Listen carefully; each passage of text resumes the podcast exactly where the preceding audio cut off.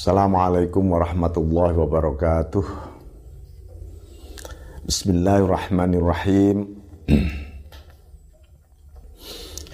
Alhamdulillah hamdan nasidu bihi ila kashfil hijab wa nu'addu bihi minal ahbab wa nashhadu an la ilaha illallah wahdahu la sharika lah wa nashhadu anna muhammadan abduhu wa rasuluhu wa habibuhu wa sofiyuh وخيارته من خلقه بعثه الله بالنور الساتئ والبين اللامئ والسيف القاطئ فبلغ الرسالة وأدى الأمانة وأوضح السنة. وأسس الشريعة ونصح الأمة وعبد الله حتى أتاه اليقين. بسم الله الرحمن الرحيم. uh, kita masuki uh, kajian yang kelima, episode yang kelima ini. Bismillahirrahmanirrahim. Satu riwayat dari Sayyidina Anas radhiyallahu an qala qala Rasulullah sallallahu alaihi wasallam unsur akhaka zalimah kana au madlumah qala ansuruhu madluma. Ansuruhu madluma. Fa kaifa ansuruhu zalima? Qala. Tamna'uhu minadh-dhulmi fadzalika nasruka iyah Rasulullah SAW bersabda e, tolonglah saudaramu ya, yang zolim atau yang terzolimi maka e, Sayyidina Anas bertanya kami bisa menolong orang yang terzalimi. Lalu bagaimana kami, uh, saya harus menolong orang yang zalim, wahai Nabi. Lola tamna'uhu minadzulmi. Kamu harus mencegah dia dari perbuatan zalim. Itu adalah caramu ya fadzalika nasruka iyah caramu menolong orang yang zalim. Nah, jadi uh, apa ini tentang soal kepedulian kita ya salah satu bentuk kepedulian kita adalah menyelamatkan saudara kita baik yang terzolimi maupun yang zolim ya. Jadi dengan cara apa? Kalau yang zolim ya dengan cara kita mencegah dia dari berbuat zalim dengan segala upaya kita. Uh, jadi mencegah kezaliman itu harus diniati lillahi ta'ala supaya dia selamat dari perbuatan zalimnya dan tidak uh, menimbulkan sebuah efek yang buruk, yang destruktif terhadap kehidupan sosial. Nah ini Nah, ini berhubungan ketika upaya menolong ya baik yang orang yang terzalimi, orang yang ditindas oleh kezaliman. Kezaliman ini macam-macam di dunia ini. Ya. Bentuknya, ragamnya, strukturnya macam-macam. Sepanjang dia merobohkan merobohkan penegakan keadilan, maka sebenarnya seseorang sedang e, melakukan kezaliman. Nah, Syekh Ahmad Ar-Rifai e, meninjau ini dari perspektif kemakrifatan, makrifatullah tentang hadis ini. Beliau awali ajnihatul arifin mengenai sayap-sayap arifun Ya. Ayusadah lil arif arba'u ajnihatin. Bagi orang arif itu memiliki empat sayap. Ya.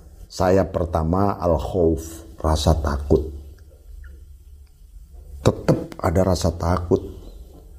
Tetapi para arifun tentu takutnya sudah naik derajatnya bukan lagi takut dengan panasnya neraka atau karena neraka itu juga makhluk. Tapi dia takut kalau dia tidak dipeduliin oleh Allah, tidak diridhoi, tidak disayang lagi oleh Allah. Itu ketakutan luar biasa. Yang kedua, arroja, harapan. Jadi harapannya pun juga sudah naik. Dalam beberapa kesempatan saya sampaikan, makom orang berharap, harapan itu beragam, bermacam-macam levelnya mulai harapannya adalah pahala minimal ini naik harapannya rahmatnya Allah naik lagi harapannya adalah bertemu Tuhannya. Naik lagi harapannya adalah Allah itu sendiri. Limangkana yarjullah harapannya hanyalah Allah naik lagi harapannya kapan bertemu Allah ini. Nah, ini harapan para arifun liqa Allah. Bismillahirrahmanirrahim wal mahabbah wasyauq. Cinta dan rindu. Cinta dan rindu.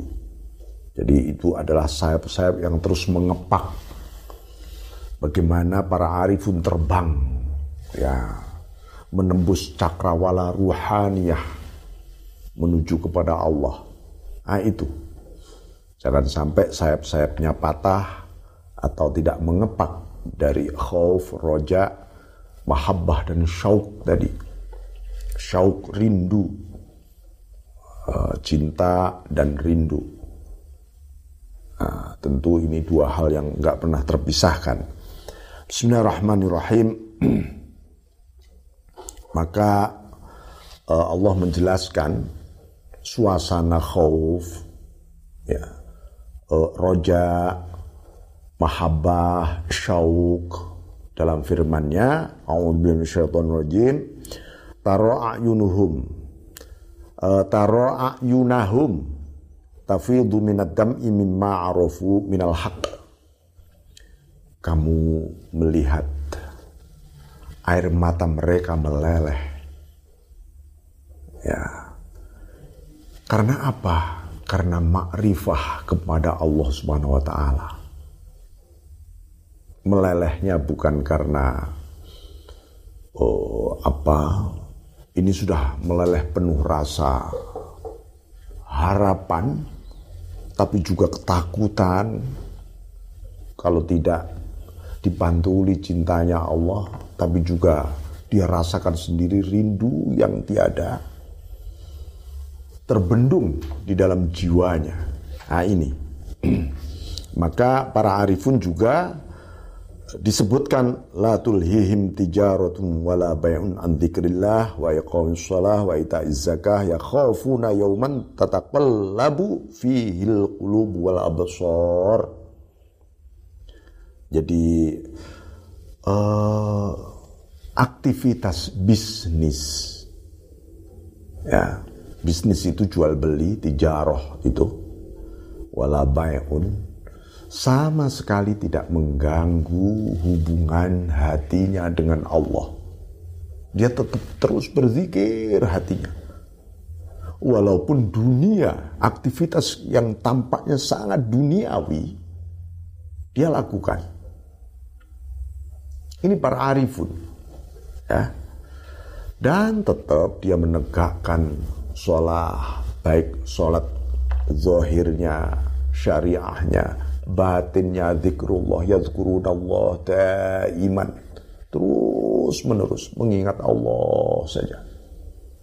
Artinya kalau uh, dia memandang apa saja yang dipandang adalah yang tersembunyi hatinya juga memandang melek ada asma af'al sifatnya Allah. Matanya memandang fisiknya memang. Bisa jadi tangannya bertransaksi, lesannya, mulutnya. Ya. Tapi hatinya sedang muamalah dengan Allah, bekerja dengan Allah. Bekerja dengan Allah itu yang bagaimana? Ya dia merespon karena Allah sedang mengajak dia bekerja, bekerja sama. Dia menyiapkan dirinya sebagai cermin ilahi ya hatinya. Dan tidak memiliki pretensi, aku tak bekerja eh, dengan Allah ah, biar Eh, rezekiku rezekiku tambah misalnya. Bukan itu, bukan, bukan, bukan. Adalah kesiapan dia beraktivitas billah bersama Allah. Itu yang disebut bekerja dengan Allah.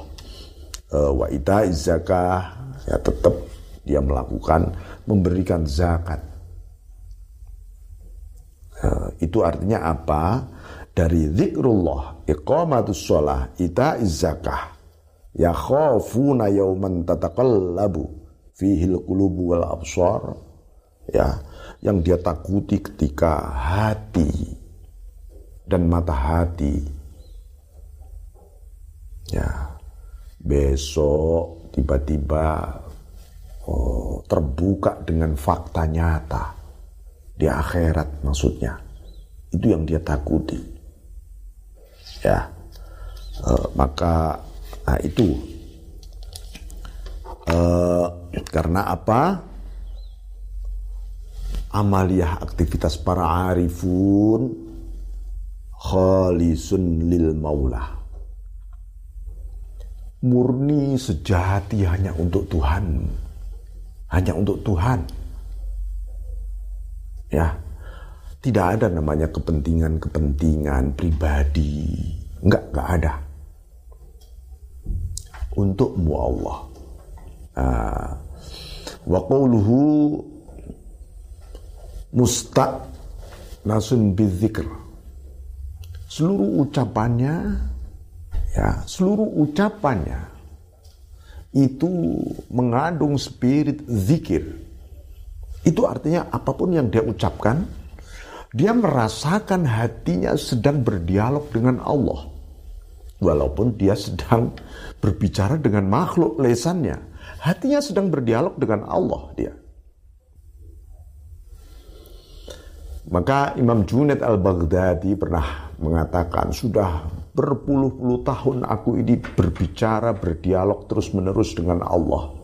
Tapi orang-orang menyangkaku aku sedang berbicara dengan mereka. Itu para arifun seperti itu. Ya. Ahlul ma'rifah itu seperti itu. Wa nafsuhu sabirah fil balwa. Sementara nafsunya terus menerus bersabar, bersabar menghadapi cobaan. Karena yang merasakan pedih itu nafsu. Dan nafsu itu yang merasakan sabar. Wasirruhu daimun najwa batinnya paling dalam, paling hakiki. Ya, senantiasa oh, berbahagia dengan Allah. Wa fikruhu bil ufukil a'la. Renungannya menembus cakrawala yang paling paling luhur, paling tinggi renungannya sampai ke arsh. Seluruh makhlukat mulai arsh sampai bumi paling bawah ada di dalam cakrawala dia. Dan di balik seluruh cakrawala itu dia pandang sebagai caranya Allah mengenalkan Allah kepada dia. Nah itu renungannya. Uh, Famarratan yatafakkaru fi ni'ami rabbih wa marratan yajul haula suradiqati kudsih. Kadang-kadang renungannya ya eh, apa itu menyelubungi menyelimuti ikut mengarungi nikmat-nikmat Tuhannya. Kadang juga renungannya mengajak dia touring, touring ke wilayah-wilayah keagungan kesucian ilahi. Itu para arifun. Nah ini ya. Jadi, nah tandanya apa sebenarnya seseorang itu disebut arif? Tadi perilakunya saja begitu. Ini uh, saya coba ambil pointis dari uh, apa kitabnya Syekh Ahmad Ar-Rifai. Selebihnya Anda bisa uh, baca uh, lebih dalam nanti di, di dalam bukunya. Alamatul Arif kila li Rabi'ah rahimahullah taala. Maka malu halil arif Rabi'ah Adawiyah pernah ditanya. Ya. Apa sebenarnya tanda kesempurnaan suasana jiwa, perilaku jiwa para arif itu? Rabi'ah menjawab, qalat ihdiraquhu bihubbir bihubbihi li rabbih. Hatinya sudah terbakar oleh cinta kepada Tuhannya. Nah, ini Robiah. Robiah itu uh, ya, sangat terkenal sebagai pangeran cinta, ya, karena seluruh syair-syairnya munajat-munajat cintanya luar biasa. Wa alamatuhu ayyakuna mustaghniyan bil mu'ti anil ata tanda-tandanya, tanda-tandanya, dia lebih merasa puas kepada sang pemberi dibanding wujud pemberiannya. Allah memberi banyak hal, nikmat zahir, nikmat batin, tapi dia tetap saja, ya Allah, aku yang aku sebut puas, itu adalah Engkau Tuhan. Engkau Tuhan. Kalau toh pun dia harus mensyukuri nikmat-nikmatnya karena dia melihat al-mun'im sang pemberi nikmat. Nah, dia memandang al-mun'im wabil mukawwin anil kaun. Dia memprioritaskan sang pencipta alam semesta dibanding wujud alam semesta ini. jadi jadi para arifun itu yang dipandang apa pun suasana alam, suasana kehidupan dunia ini tetap saja sang penciptanya. Bagaimana tidak damai hatinya? Bagaimana tidak kokoh? Karena dia selalu memandang sang pencipta. Mustaghriqan fi bihari sururi wujudani. Dia tenggelam dalam kebahagiaan. Kebahagiaan sebuah rasa pertemuan ilahiyah itu yang membahagiakan dia. Dia berenang terus-menerus menuju sebuah pantai. Makanya Abu Yazid Al-Bistami pernah mengatakan,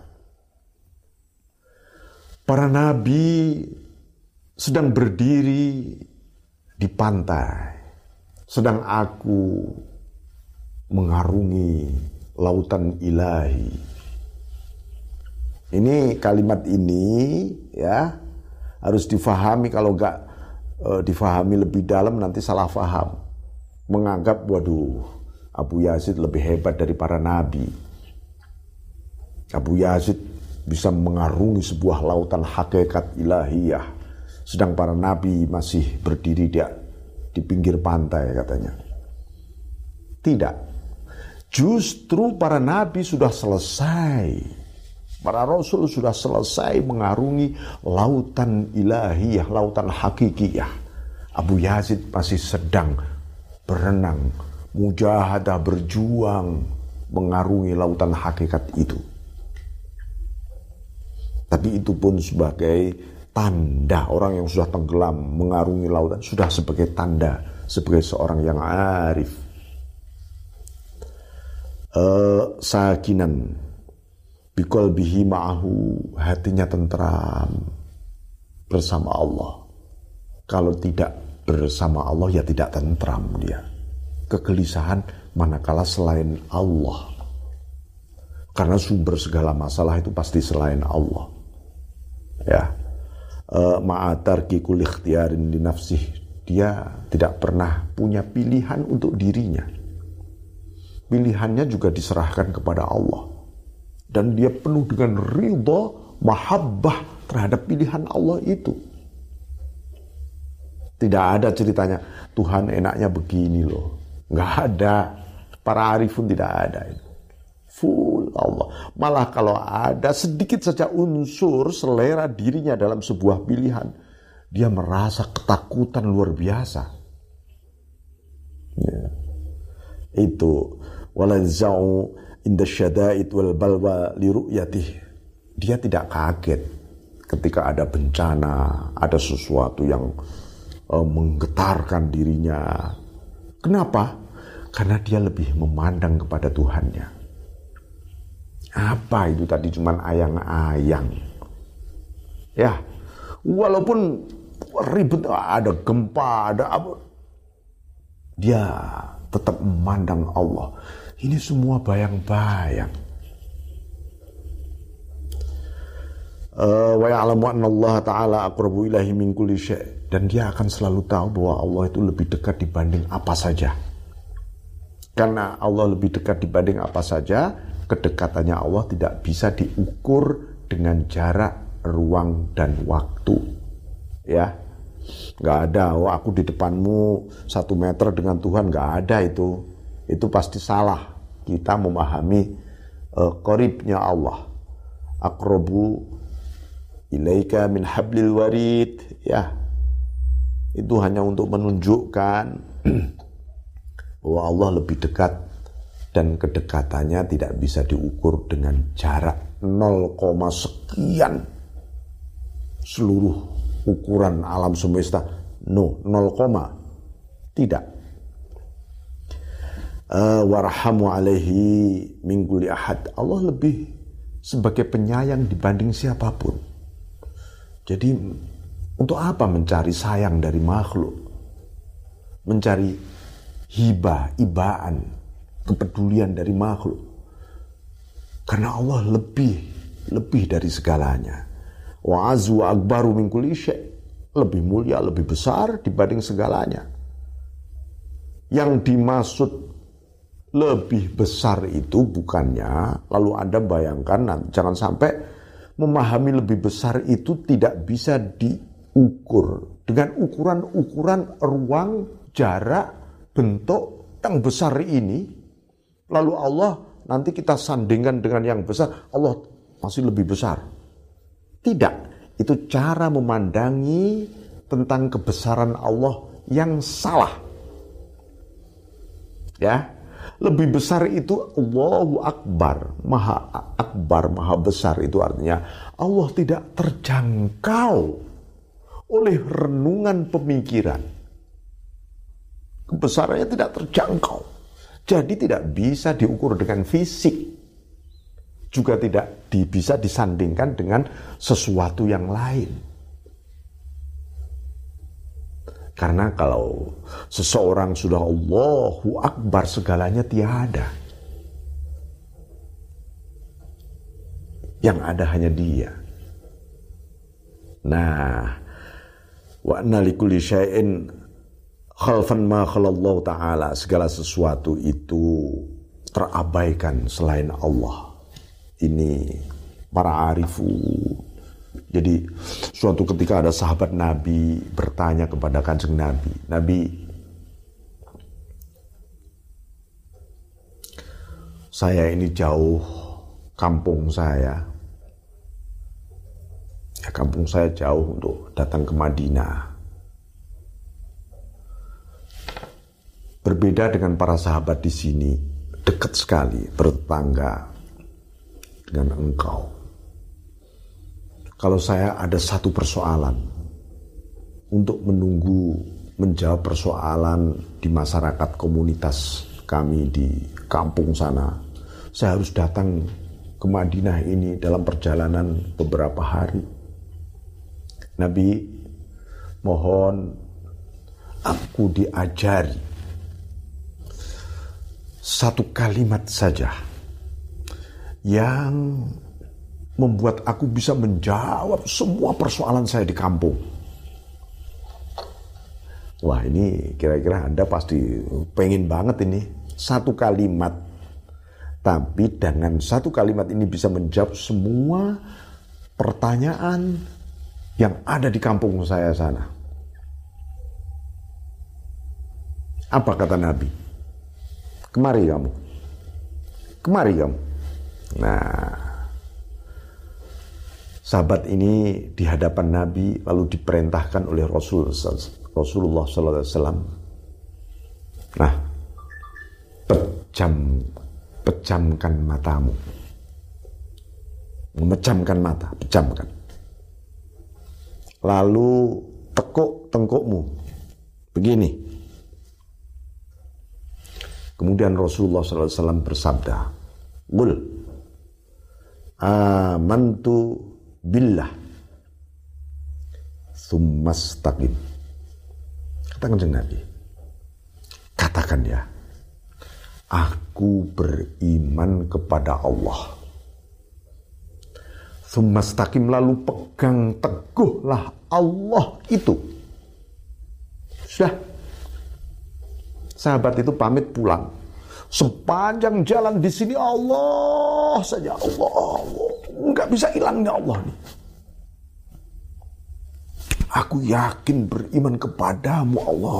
Oh, nggak bisa hilang Allah sepanjang jalannya. Sampai di kampungnya banyak pertanyaan dan langsung bisa dijawab oleh sahabat ini. Tapi di sini Allah, ini tanda arifun dia tanda arif. Nah, itulah salah satu cara Rasulullah SAW mentalkin ismudzat. Amantu billah thummastaqim. Allah, Allah, Allah, Allah terus sudah. Nggak pernah lepas. Bukan Allah, Allah nanti habis itu dilupakan. Nggak. Allah kapan dan di mana saja. Nah, itu ya. Jadi itu uh, ungkapan yang disampaikan oleh Robiah Al-Adawiyah. Nah, sebenarnya makna makrifat itu apa ya? Ya, makrifat itu definisinya juga banyak, tapi yang paling sederhana ini disampaikan oleh uh, Syekh Ahmad Ar-Rifai. Makna al-ma'rifah Nah, ma'rifah itu ada lima huruf. Mem, ya, mem, ain, uh, ro, fa, lalu uh, terakhir hak ma'rifah. Tak marbutoh dibaca ma'rifah. Lima. Pertama, al-mim. Mim itu artinya malaka nafsah. Orang yang bisa mengendalikan dirinya, menguasai dirinya penuh. nah, kemudian wabilain abadallah ala sidqil wafa. Ainnya abadallah ala sidqil wafa. Dia mengabdi menyembah Allah dengan keserasian, keselarasan yang benar jadi berserasi dengan Allah yang benar itu contoh sederhana gimana? Anda dapat nikmat, serasinya apa? Syukur. Dan syukurnya memandang sang pemberi nikmat. Bukan wujud nikmatnya, ini yang benar. Dosa langsung tobat. Nggak ada ceritanya menunda tobat. Ah, ini namanya tobat yang benar. Dan tidak pernah dia ingat kembali dosa itu. Karena itu dia tidak akan pernah mengulang lagi. Itu namanya sidkul wafa. Ya, ini contoh-contoh. Kemudian uh, roknya ma'rifah, roknya uh, Roghiba ilallahi bil kulliyah. Senang kepada Allah dengan total. Jadi orang seneng itu kan pasti kalau total, nggak setengah-setengah, hatinya utuh. Ya Allah hatiku untukmu. Tidak ada ceritanya. Sudahlah separuh hati ini untukmu Tuhan. Separuh untuk dunia. Separuh untukmu Tuhan. Separuh untuk nafsuku. Separuh untukmu Tuhan. Separuh untuk mimpi-mimpiku Tuhan. Tidak. Para arifun bil kulliyah total untukmu Tuhan.